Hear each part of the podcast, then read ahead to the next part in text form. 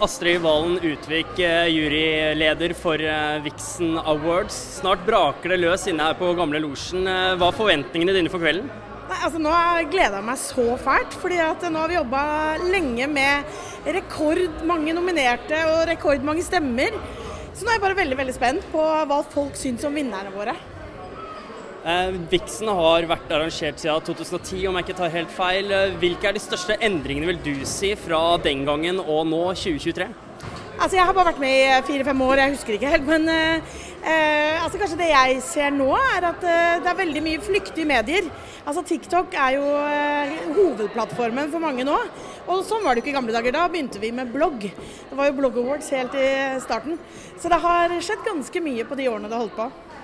I tillegg til forskjellige plattformer, så har det jo utvikla seg mange mange kategorier. Er det noen kategorier som skiller seg litt ut med, i form av at eh, flere ønsker seg inn i denne? Er det underholdning f.eks.? Er det veldig populært, eller hvordan ser du det? Nei, altså Jeg vet ikke om folk ønsker seg sånn inn i spesielle kategorier, men det er jo en del nye kategorier. Eh, vi deler opp kategorier etter at vi ser at det blir veldig mange, og at noen kanskje kjenner seg igjen i en del av en kategori, men ikke resten osv.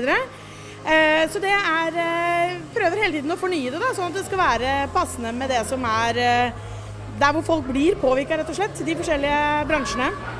Og som du var inne på, det er rekordmange nominasjoner også i år. Hvordan utvikler dette markedet seg? Nei, altså det, tar, altså det, vokser og vokser og vokser. Eh, og jeg tror ikke at dette her er i nærheten av toppen, så jeg tror dette her kommer til å fortsette. Eh, for det er Jeg tror veldig mange bedrifter begynner å se enda mer til influenserne. Eh, at det blir en enda mer kommersiell bransje, men at det handler om da å virkelig gi verdi til følgerne sine og ha tillit og troverdighet hos eh, følgerne sine, så kan dette vokse enda videre. Da sier jeg bare god kveld videre, Astrid Valen Utvik. Tusen hjertelig takk. Kos dere.